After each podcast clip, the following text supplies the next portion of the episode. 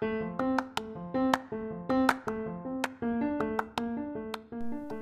heart stopping feeling of slipping on an icy sidewalk is one that most people would rather not experience.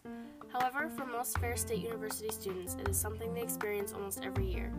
When the sidewalks are not salted or cleared properly, there tend to be icy patches that catch students off guard on the chilly trek to classes. Student safety is very important to Ferris State University, so something should be done about the conditions of the sidewalks at Ferris in preparation for Michigan's bad winters. The addition of heated sidewalks on campus could drastically improve the outlook of winters on Ferris State University campus and at Ferris State University overall. Students have noticed their clothes and shoes getting ruined because of the salt that is on the sidewalks. Salting the sidewalks may seem like an easy solution, but in the long run, it is harmful to clothing as well as the environment. A study done in New York in 2008 found that 48% of 125 wells had sodium concentrations that exceeded EPA guidelines, and 20% had concentrations high enough to restrict their use by residents with high blood pressure. The salt that gets put onto roads has nowhere else to go except storm drains, and those storm drains are accumulating the salt from over the years. The salt can damage trees and other wildlife on the sides of the road and can create further damage to the roads. Ferris State University could become a more environmentally friendly university if they decide to try to decrease their salt use and help lengthen the life of plants on campus. Even though faculty does make an effort to salt the sidewalks and keep them clear, this task is sometimes not done well enough.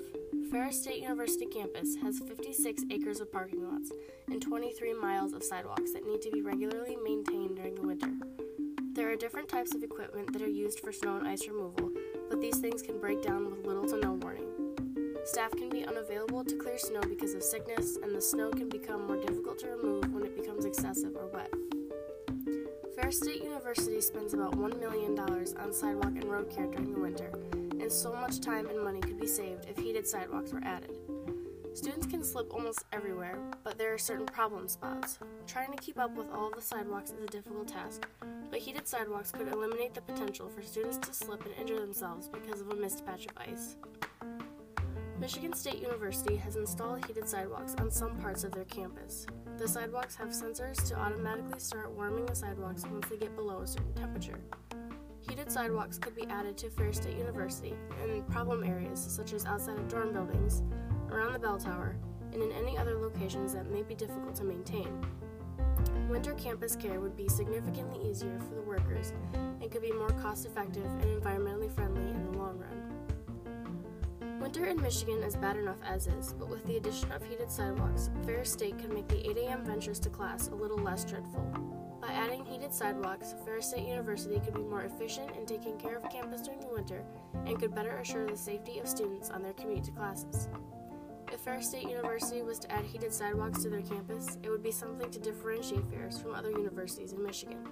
All Michiganders know that the weather can be unpredictable, but having the security of heated sidewalks is one thing that could attract more students to Ferris State.